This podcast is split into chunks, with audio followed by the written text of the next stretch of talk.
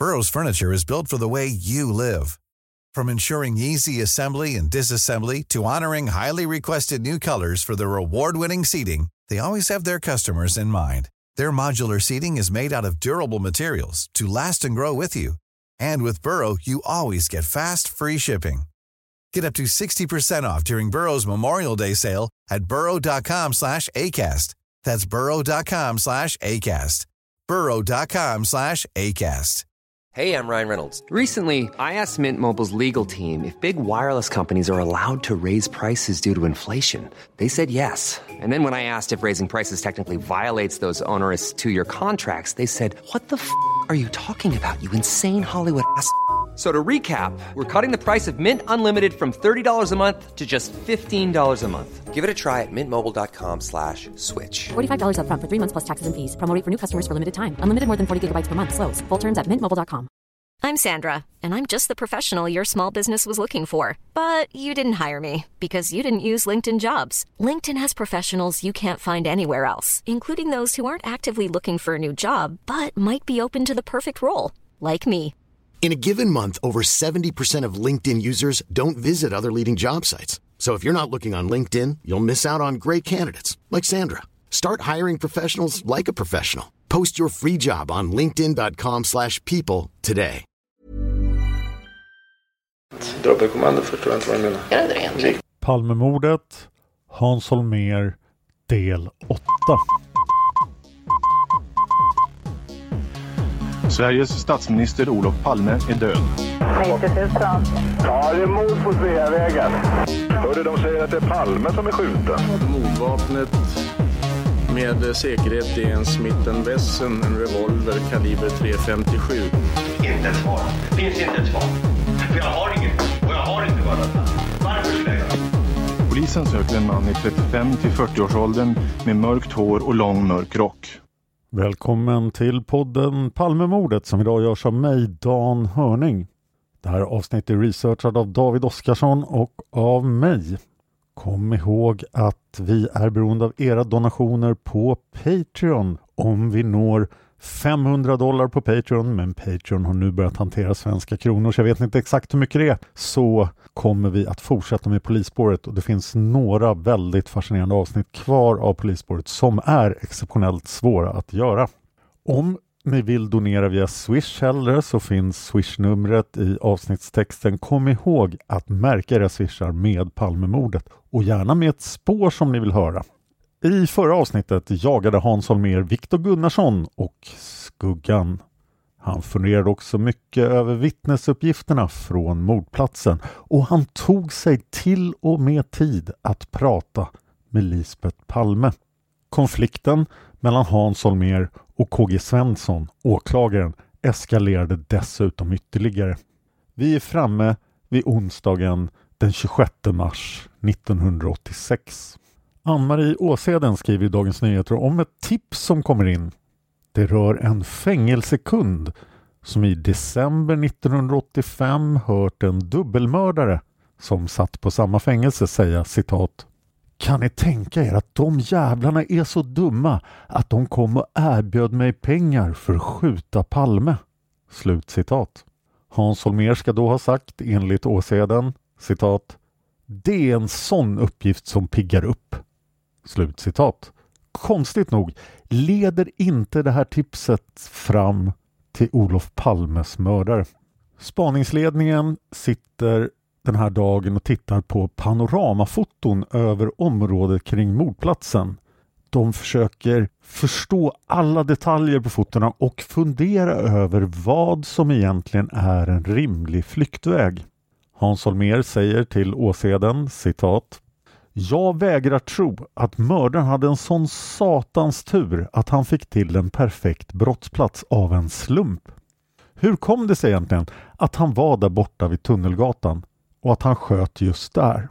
Om jag kan få svar på dessa frågor kan det också säga något om huruvida det var en ensam mördare eller ett gäng, hur förtrogen mördaren var med miljön i Stockholm city och hur professionellt det var. Slut citat. Hans Holmér stirrar också en hel del på skillnaderna mellan Inge M's och Anders B's vittnesmål. och skillnaden mellan de två vittnesmålen är ju ganska stora. Hans Holmér noterar att poliserna som pratade med Anders B initialt har anmärkt på att Anders B verkade väldigt berusad. Eftersom Inge M's vittnesmål inte går ihop alls med Anders B's börjar Hans Holmér misstro Anders B. Inge M säger att mördaren stod och väntade vid Dekorima-hörnet men Anders B säger ju att mördaren gick och höll om Olof Palme. Det verkar som att Hans Holmér bedömer att Inge M är ett trovärdigare vittne. Hans Holmér funderar också en hel del på Lars Jeppssons vittnesmål. Han bestämmer sig enligt åseden just den här dagen att han måste läsa Lars Jeppssons berättelse en gång till ur en ny aspekt. Åsheden skriver i DN. För att se om där finns något om iakttagelser på Luntmakargatan där Lars Jeppsson kommit gående minuterna före mordet. Om inte måste Lars Jeppsson höras om på den punkten. Är mördaren snabb och väl förtrogen med kvarteren kring mordplatsen kan han från Sveavägen ha sprungit in på Adolf Fredriks kyrkogata när paret Palme korsade Sveavägen. Vidare till höger på Luntmakargatan, till höger på Tunnelgatan och fram till Dekorima-hörnan medan Palme lugnt promenerade på den andra långsidan av Skandiahuset. I så fall måste mördarna sprungit om Lars Jeppsson på den mörka, vanligen folktomma Luntmakargatan. Senare på dagen formulerar Hans mer äntligen den hypotes som värkt fram och ältats i flera varv de senaste dagarna. Nu tycker han att den låter både logisk och rimlig. Mördaren följer Palme från Västerlånggatan ner till tunnelbanestationen i Gamla stan och vidare till bion. Det han då vet är att tidpunkten för mordet är bra. Det kommer att bli efter klockan 23. Den enda plats han rimligen kan ha förberett när han skuggar Palme till bion är en plats i Gamla stan. Där ska han skjuta när Palme kommer tillbaka.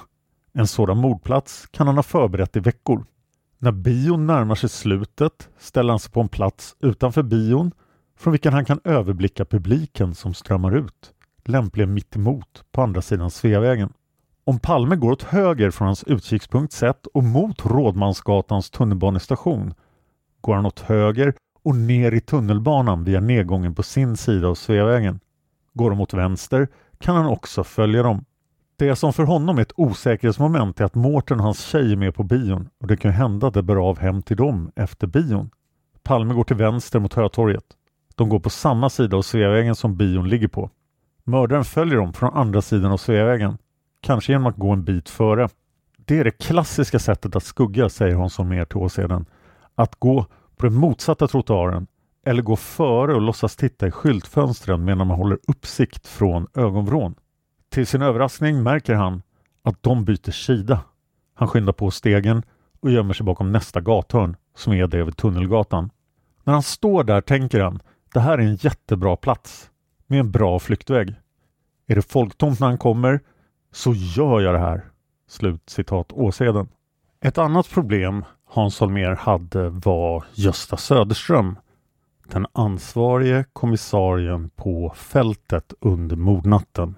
Just den här dagen, onsdagen den 26 mars, hade det kommit till Hans Holmérs kännedom att Gösta Söderström skulle medverka i tv-programmet 20.00. Så här skriver bröderna Putiainen om det i Inuti labyrinten på sid 60.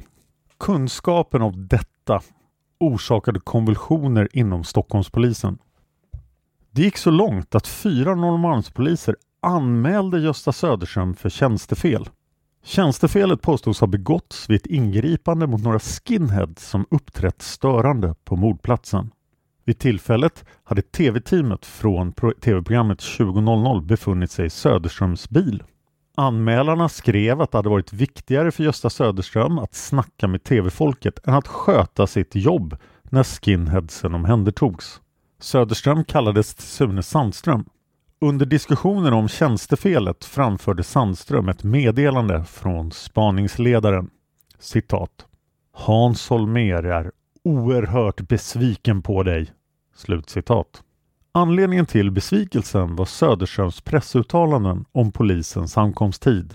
Ni som lyssnar vet ju att Gösta Söderström hade en annan uppfattning om när polisen kom till platsen. Allt detta hände innan tv-programmet sändes den 26 mars. Intervjun med Gösta Söderström spelades in den 24 mars. Efter sändningen var plötsligt alla kritiker som förbytta. Allt negativt hade blivit positivt över en natt. Det visade sig nämligen att Gösta Söderström i programmet inte hade uttalat sig om polisens ankomsttid. Helt enkelt därför att intervjuaren Clary Jansson inte hade ställt några frågor om tider överhuvudtaget. Dagen efter programmet ringde Sune Sandström upp och gratulerade Gösta Söderström. Han hade gjort en bra insats. Sandström kunde också lämna en ny hälsning från högste chefen. Hans Holmer var nöjd och önskade Gösta Söderström en glad påsk. Nu var allt frid och fröjd igen på Söderströmfronten. Gammalt groll om otillbörliga pressuttalanden skulle glömmas, tyckte Sandström. De fyra Norrmalmspolisernas anmälan om tjänstefel bara försvann, hastigt och lustigt. Slutcitat inuti labyrinten. Hans Holmér hade många bekymmer, men det kanske största bekymret han hade, ja, förutom att lösa mordet, var ju KG Svensson. Så här säger Gunnar Wall i Mörkläggning på sid 100 i den gamla upplagan. Framgången med den nya fantombilden betyder dock inte att spaningsledaren slår sig till ro med Seimes besked att KG Svensson ska få vara kvar. Istället för saken upp på regeringsnivå. Någon dokumentation om att Hans Holmér formellt skulle ha vänt sig till Rosenbad för att bli av med KG Svensson finns det inte. Men det lär inte heller ha behövts. Regeringen kunde hålla sig informerad om länspolismästarens synpunkter på flera sätt. Sätt nummer ett genom att kanslihuset utsett ett par egna observatörer, Claes Bergenstrand och Kurt Malmström, som löpande följde arbetet i spaningsledningen. Sätt 2. Genom Holmers återkommande direkta träffar med justitieminister Wickbom. Sätt 3 genom ett okänt antal telefonsamtal mellan Holmer och företrädare för Rosenbad. Sätt 4. Genom att Hans Holmers ständiga samtalspartner Ebbe Karlsson hade goda personliga relationer till folk i regeringskretsarna. Fredagen den 21 mars hade alltså Holmer fått nej av Seime på kravet att byta ut KG Svensson. Bara ett dygn senare på lördagskvällen fick det hela en fortsättning. Riksåklagaren Sjöberg, Seimes högste chef, gick då på en privat middag. När han kom dit When you're ready to pop the question, the last thing you want to do is second guess the ring. At BlueNile.com you can design a one-of-a-kind ring with the ease and convenience of shopping online. Choose your diamond and setting. When you find the one, you'll get it delivered right to your door. Go to Bluenile.com and use promo code LISTEN to get $50 off your purchase of $500 or more. That's code LISTEN at Bluenile.com for $50 off your purchase. Bluenile.com code LISTEN. Hey, it's Danny Pellegrino from Everything Iconic. Ready to upgrade your style game without blowing your budget? Check out Quince. They've got all the good stuff shirts and polos, activewear, and fine leather goods, all at 50 to 80% less than other high end brands. And the best part?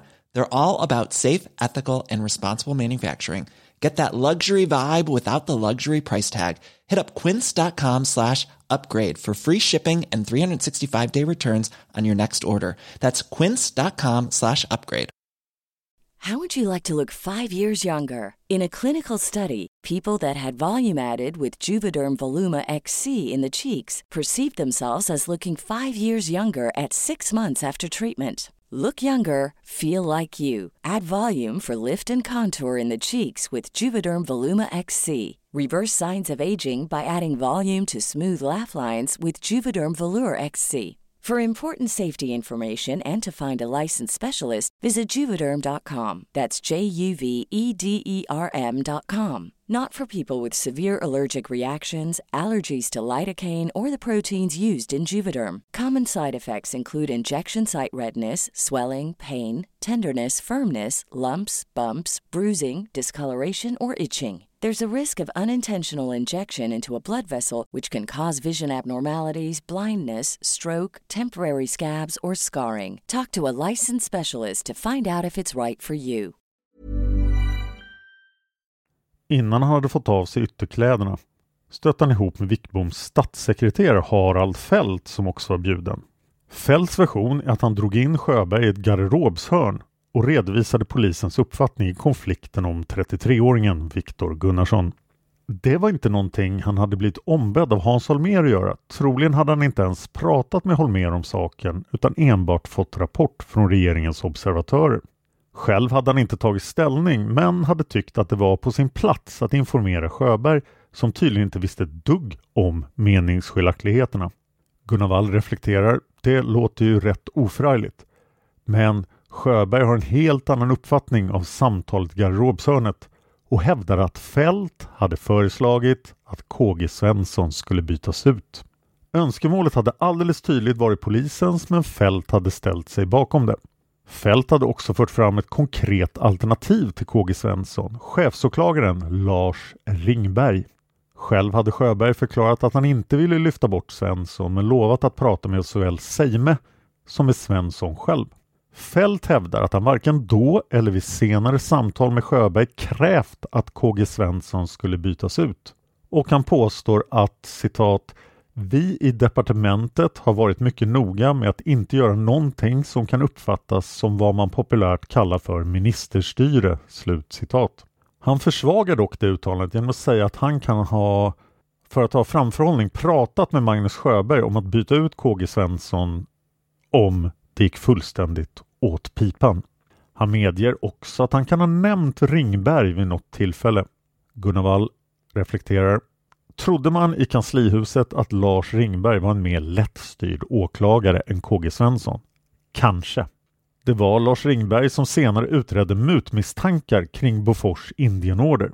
Och i den egenskapen gjorde han Anna-Greta Leijon till viljes när hon sa åt honom att inte försöka ställa några frågor om saken till den indiske premiärministern Rajiv Gandhis delegation under deras besök i Sverige.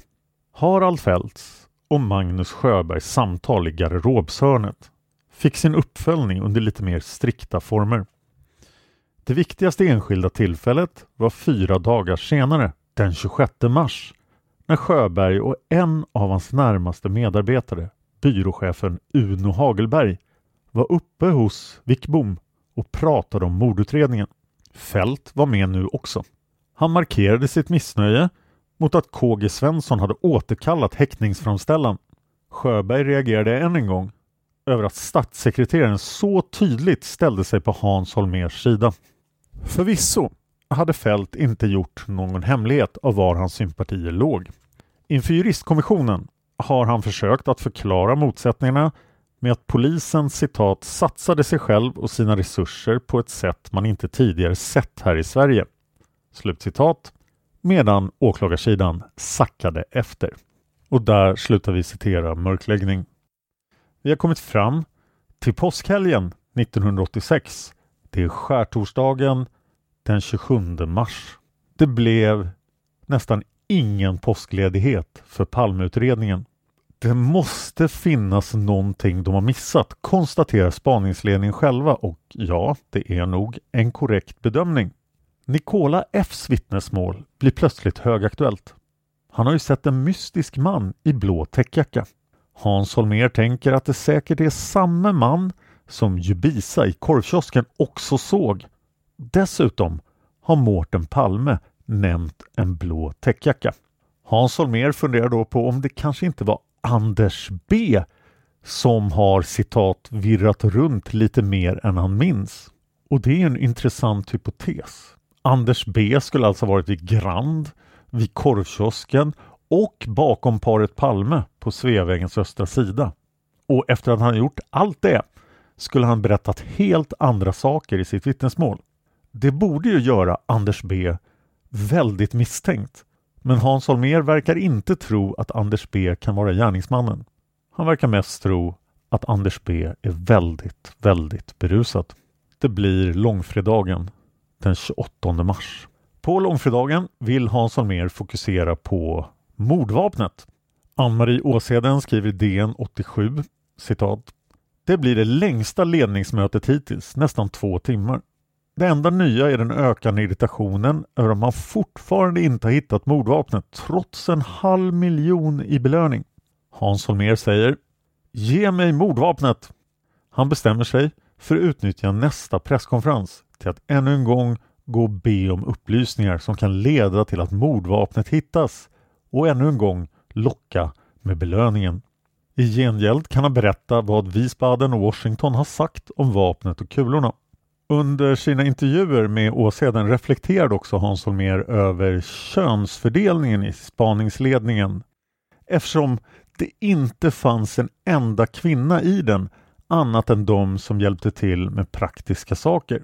Så här sa Hans Holmér till Åseden citat. Men vi kokar vårt kaffe själva. Vi pratar förstås en del om kvinnor men det har andra motiv. Slutcitat. Spaningschefen SL Pettersson har ett positivt besked till Hans Holmér. Hans Holmér har velat kalla in flygvapnet för att fotografera alla tak i innerstan.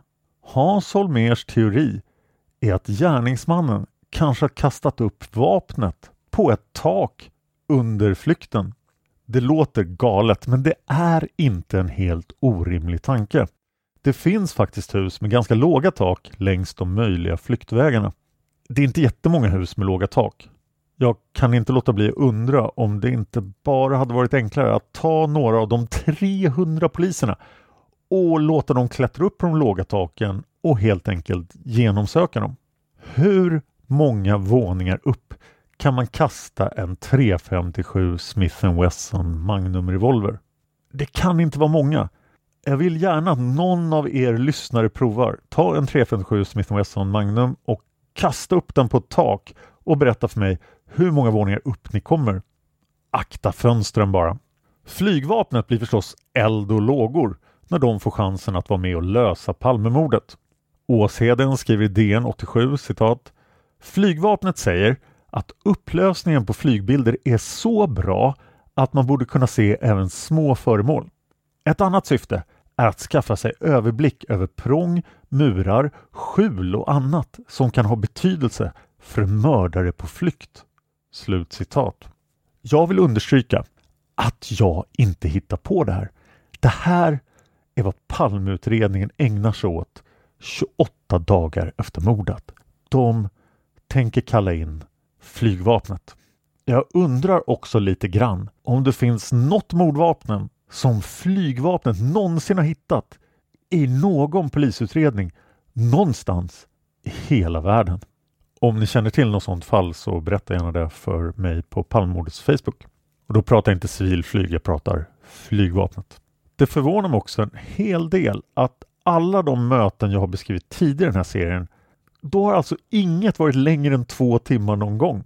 Jag har haft väldigt många diskussioner om palmordet som har varit betydligt längre än två timmar.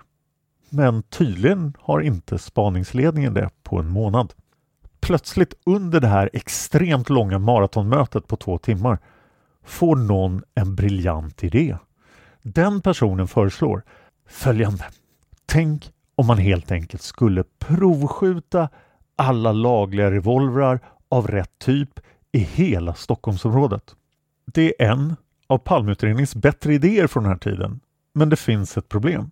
Palme sköts som ni vet med en ovanlig typ av ammunition och det finns helt enkelt inte så mycket av den ammunitionen i Sverige. Det är i alla fall vad Palmeutredningen kommer fram till. Hans Wranghult får i uppdrag att kontakta Västtysklands och USAs ambassad och ber dem om hjälp att skaffa fram fler kulor av rätt sort. Detta leder enligt åseden till att Wranghult får smeknamnet Vapenhandlaren. Med tanke på vilka smeknamn Palmeutredningen delar ut så låter det som ett av de bättre. Wranghult kunde ha råkat mycket mer illa ut. Vi har ju censurerat många smeknamn som Palmeutredningen gav speciellt vittnen. Granskningskommissionen sammanfattade den här åtgärden med att provskjuta alla lagliga vapen så här.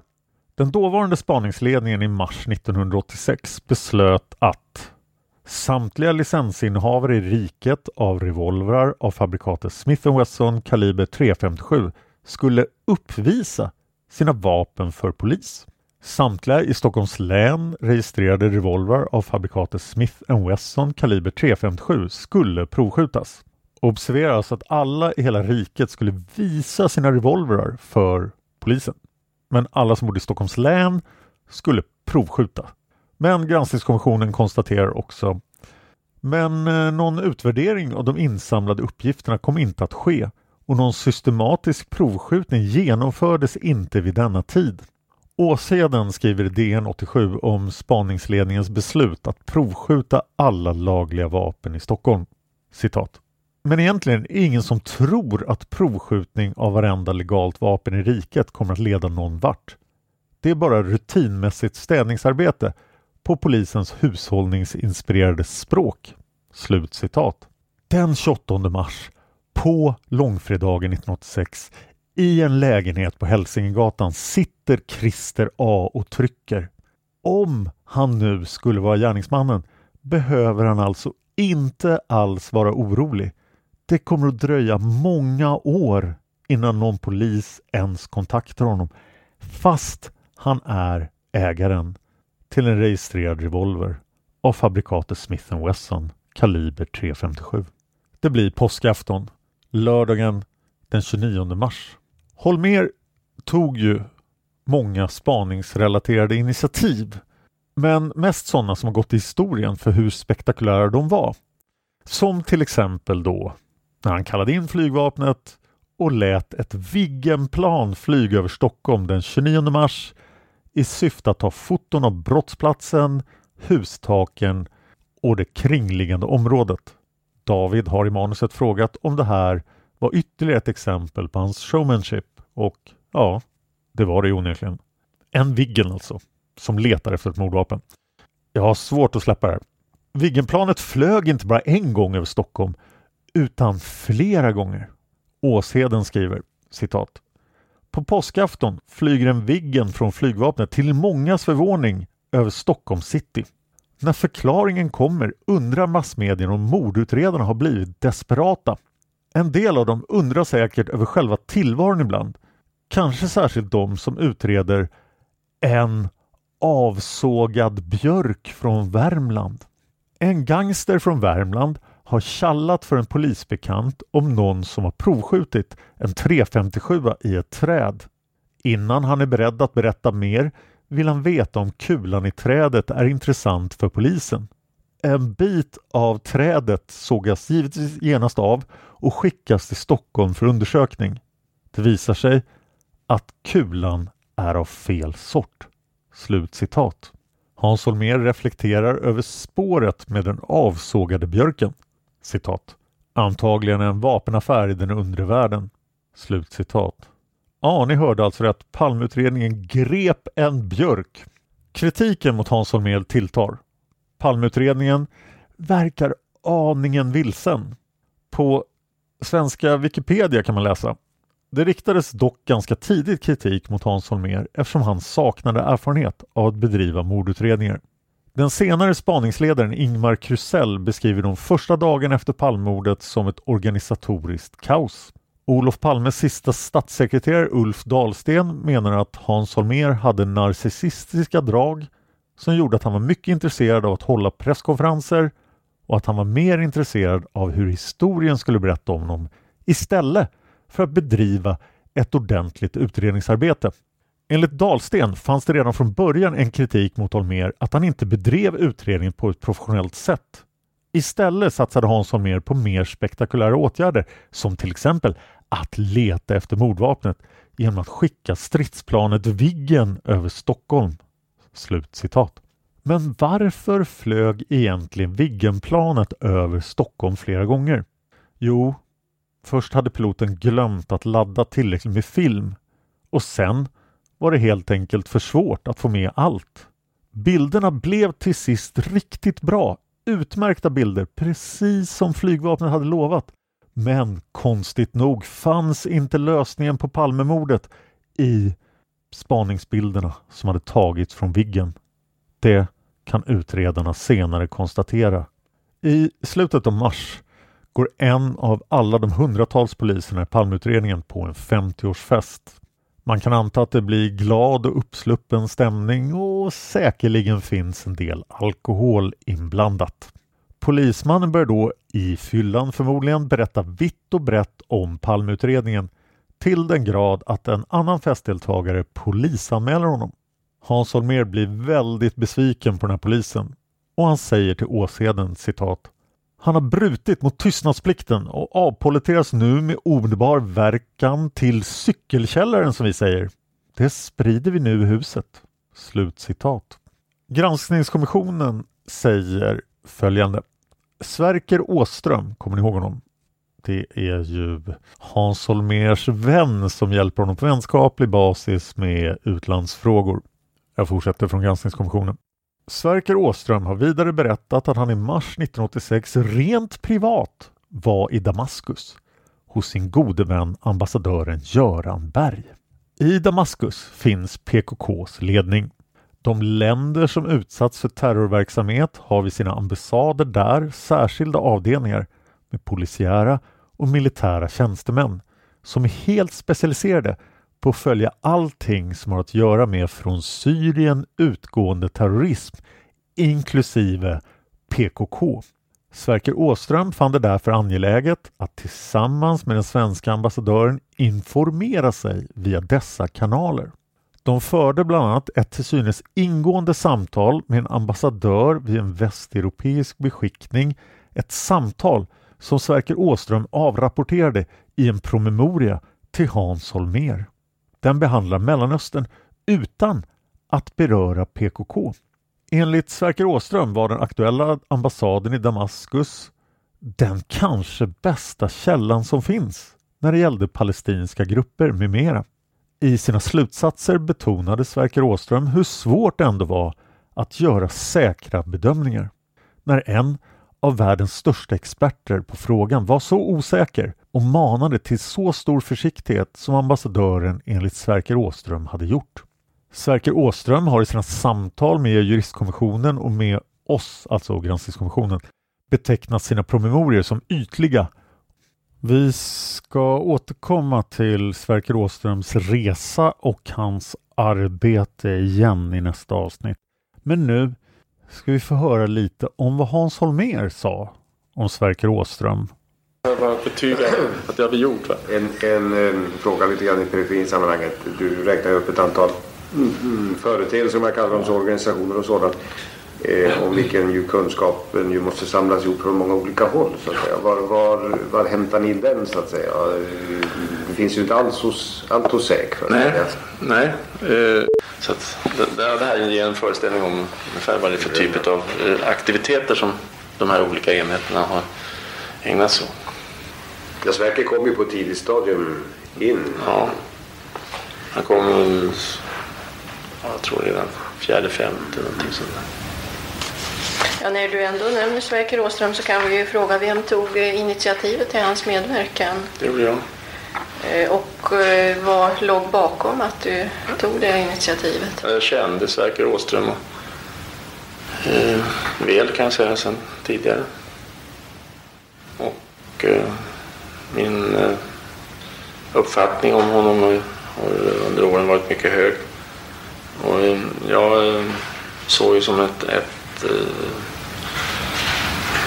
bekymmer här att, att få en, en vettig eh, samtalspartner när det gällde en del aspekter på utländska företeelser. Eftersom jag förstod att UD inte skulle kunna vara, vara kanske den typen av eh, pingpongpartner. Och då kom jag att tänka på Sverker och jag åkte till honom, jag tror redan på, på måndag, till hans bostad. Och frågade om han kunde tänka sig något sånt här arrangemang, om det, det var någonting som, som eh, i sin tur gillade från kanslihusets sida därför att okej då, pensionerad men, men ändå va. Konsultverksamhet. Ja, ja just det. Och eh, det gick ju bra va. Det har varit utomordentligt. Hur har han arbetat? Han, vi har träffats med jämna mellanrum. 14 dagar kanske. Och eh, diskuterat då olika sådana här internationella motivbilder. Han har också deltagit i några eh, överläggningar med lite bredare sammansättning. Det det har genomgående varit så att vi har varit några stycken, Hans Wranghult och jag och, kanske ytterligare någon som har träffat honom när han har kommit. Så han har, han har bidragit, bidragit med sina kunskaper. Sen har eh, förmedlades det ju tidigt en kontaktman till oss eh, Nils Rosenberg från UD som har varit den som har, har försett oss med eh, eh UDs information. UD tog ju eh, tidigt ett initiativ på begäran ifrån vår sida. Vi ville ha så mycket som möjligt utav eh, de tips som strömmade till ambassaderna på ett smidigt sätt till oss. För att på samma sätt som det har strömmat tips här hemma har det strömmat där ute. Och, och ambassaderna har ju följt upp eh, pressen just när det gäller, gäller Palmemålet naturligtvis på, inom respektive land. Och i, I den pressdebatten har det ju då och då kommit fram uppgifter som man, bör titta på. Så det har vi då gjort. Hey, it's Danny Pellegrino from Everything Iconic. Ready to upgrade your style game without blowing your budget? Check out Quince. They've got all the good stuff shirts and polos, activewear, and fine leather goods, all at 50 to 80% less than other high end brands. And the best part? They're all about safe, ethical, and responsible manufacturing. Get that luxury vibe without the luxury price tag. Hit up quince.com slash upgrade for free shipping and 365 day returns on your next order. That's quince.com slash upgrade. Flexibility is great. That's why there's yoga. Flexibility for your insurance coverage is great too. That's why there's United Healthcare Insurance Plans. Underwritten by Golden Rule Insurance Company, United Healthcare Insurance Plans offer flexible, budget friendly coverage for medical, vision, dental, and more. One of these plans may be right for you if you're, say, between jobs, coming off your parents' plan, turning a side hustle into a full hustle, or even missed open enrollment. Want more flexibility? Find out more about United Healthcare Insurance Plans at uh1.com. Even when we're on a budget, we still deserve nice things. Quince is a place to scoop up stunning high end goods for 50 to 80% less than similar brands. They have buttery soft cashmere sweaters starting at $50, luxurious Italian leather bags, and so much more. Plus, Quince only works with factories that use safe, ethical, and responsible manufacturing. Get the high-end goods you'll love without the high price tag with Quince. Go to quince.com/style for free shipping and 365-day returns.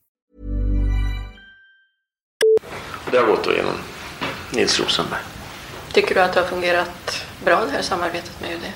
Ja, det tycker jag. Jag har varit, varit lite besviken i något skede att man pratade med journalister om vad vi sysslade med. Jag var lite överraskad att det skedde från UD som är så noga med att hemligstämpla. Eh, Om vi återgår till det mera vardagliga i form av eh, det arbete som bedrevs på rotlarna.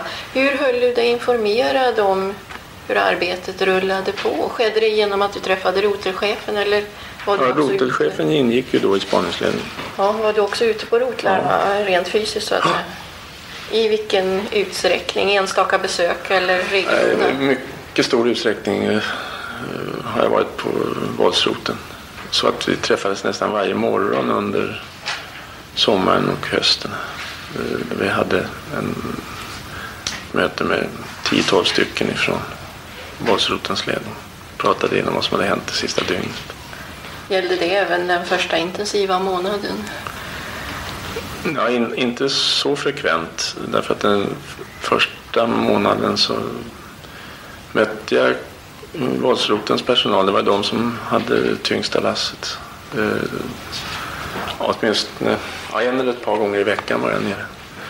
Eh, Därför att det viktiga var då det att alla skulle, skulle då eh, känna att vad de tyckte och de frågor de hade, de skulle de få, kunna föra fram i alla tänkbara och otänkbara sammanhang. Vi ville skapa en samhörighet i det här arbetet. Och eh, även för att eh, stimulera dem. Jag drev ju på dem hårt här. De eh, jobbade ju mycket intensivt under flera månader. Det var nödvändigt att, att se till att de mådde så bra som anständigtvis var möjligt.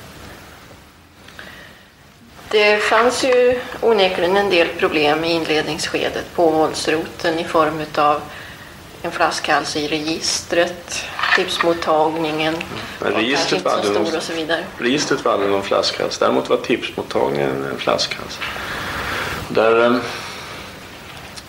eh, jag kommer inte ihåg riktigt när den här eh, vilket datum det var, men säg att det är den femte, sjätte någonting sånt där så, så stod det ju klart att det, det kom in så pass mycket tips att eh, prioriteringen utav det arbetet eh, var, ett, var tidsödande så att säga. Och då hade vi från början eh, bestämt, vilket var en, en av grundstenarna i hela arbetet, att alla tips som kom skulle bedömas utav samma trio personer. Irvell och Reneborg och ytterligare någon. Eh, Därför att annars så tappar man ju den här samstämmigheten i bedömningen och eh, kunskapen. Och de gjorde alltså så att de, en eller ett par av de här kommissarierna läste först det här och sen gavs det till Irvell och sen gjorde han då den här prioriteringen 1, 2, 3. Och eh, när det då blev en flaskhals så var jag och Wranghult och Severin tror jag också nere och talade med alla de här berörda på roten och sa vad ska vi göra nu? För att eh, det här är ju inte bra. Att det, det blir en fördröjning. Och efter en eh, givande diskussion så kom vi fram till att vi ska inte öka antalet här. Det är bättre att ta den fördröjning som blir. Därför att vi vinner. Redan efter några dagar kan vi räkna med att man kommer ikapp och då har vi den fördelen att eh, den samstämmiga bedömningen har vi då vunnit. men Den är inte spridd på flera personer. Och det, det visade sig vara ett, ett eh, vettigt beslut. Fortsatte alltså som förut och, och eh, accepterade då att det blev en longör på några dygn. Men de var snabbt ikapp och sen lyckades man hålla. Var det det du syftade på med tipsmottagningen? Inte de som satt och direkt svarade på telefon från allmänheten? Ja, nej. nej, för det var inget. Det, var, det, det fanns tillräckligt mycket resurser anser du för de uppgifter Ja, som fanns? ja, vi hade Diskuterade man organisatoriska problemet av olika slag i ledningsgruppen? hela tiden. Det var väl ändå så att det förekom en viss eftersläpning i registret. Det framgår också av protokollen från ledningsgruppen att man inte har förmått registrera alla tips i den takt som de kom ut ifrån tipsläsarna. Ja, det- Känner du till det problemet? Ja, jo, det, det borde jag göra i så fall. Nej, men det, det, jag vet inte vad, vad du avser där. Därför att jag, jag tror det enda som hade någon, någon eh, verklig mm, betydelse i sammanhanget det är alltså den här eh, flaskhalsen som var i, i prioriteringen och genomläsningen i början. Det här att, att själva registreringen försköts en, ett eller annat dygn. Det, det har inte betytt någonting.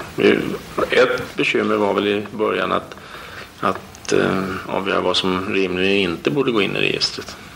Vad gjorde ni för be- bedömningar i det Ja, avseendet? det var sådana Kalle Anka-tips. Som,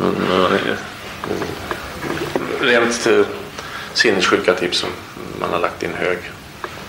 Som man, jag vet inte om man än idag har, har registrerat dem, men de finns i alla fall. Ja, precis. Till exempel. Ja, hon har nog ett, ett eget upplägg vid det här taget. Men, men det finns, finns ju kolossalt mycket som är en följd av att registreringen inte var i kapp var att man tvingades till utredaren lämna ut oregistrerade handlingar, vilket i sin tur innebar att flera utredare jobbade med samma sak. Eh, kände du till det problemet? Jag vet inte. Det måste vara att... Jag känner inte till något sånt fall där det har blivit någon komplikation. Om det har varit någon oregistrerad handling ute bland 30 000 som har varit förlåtet om jag inte vet det. Det finns väl även en del andra handlingar som har gått utanför registret och ni har också använt flera olika register. Eh, vad är tanken bakom det? Bland de oregistrerade handlingarna finns bland annat då eh, handlingar rörande Olof Palmes person men det var också en del tekniska undersökningar och så vidare som icke registreras till början. Ja, det, ja, vi har, det är ju registrerat på olika sätt. vi har ju fört det här i, Eh, på ett vettigt sätt som jag bedömer det. Vi, vi, när det gäller Olof Palmes person så, så eh, bestämde vi ju att det skulle skötas, och handläggas på diskretionära sätt på, på ett särskilt vis och därför så, så kom det att bli ett, ett särskilt avsnitt av det som samlats. Men det är alltså registrerat för sig, i en liten hög för sig, men det finns inte inne i det stora registret av eh, diskretionsskäl. Men det finns där och det kan man alltså. Eh, I vilken form? Det var allt vi hade den här veckan. Palmordet finns på Facebook. Följ oss gärna där. Där kan ni fråga mig och Tobias om saker som rör podden. Om ni pratar på Facebook om saker som rör själva Palmemordet så rekommenderar vi Studio Palmemordet och Palmerummet. Jag finns på Twitter och Instagram. Jag heter Dan Hörning, så är väldigt lätt att hitta. Vi vill hemskt gärna iTunes-recensioner och alla iTunes-recensioner kommer förr eller senare att läsas här i podden. I min andra podd Olösta mord är vi nu klara med grundserien om Sven Sjögren. Vi har gjort Gotlands största olösta fall. 30 avsnitt i olösta mord.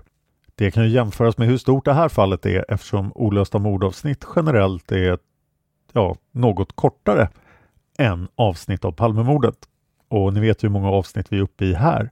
Och vi har knappt börjat. Stort tack till Ann-Marie Åseden för hennes artiklar. Att hon hade sitt samarbete med Holmer ledde ju till en unik inblick i mordutredningen. Rekommenderar speciellt två böcker. Jakten på Olof Palmes mördare de tre första månaderna från 1987 och Förbannelsen Hans Holmers öde från 2012. Tack till alla er som sponsrar Palmordet på Patreon. Tack till Lukas för musiken. Tack till expertgruppen, vår jurist och researchassistenter. Tack till Juan Esposito som har faktagranskat Hans Holmér-avsnitten. Tack till Cornelia som har hjälpt mig med ljudfilerna från juristkommissionen. Tack till David Oskarsson som skrev grundmanuset här. Och tack till dig för att du lyssnar på Palmemordet. Man hittar Palmes mördare om man följer PKK-spåret till botten.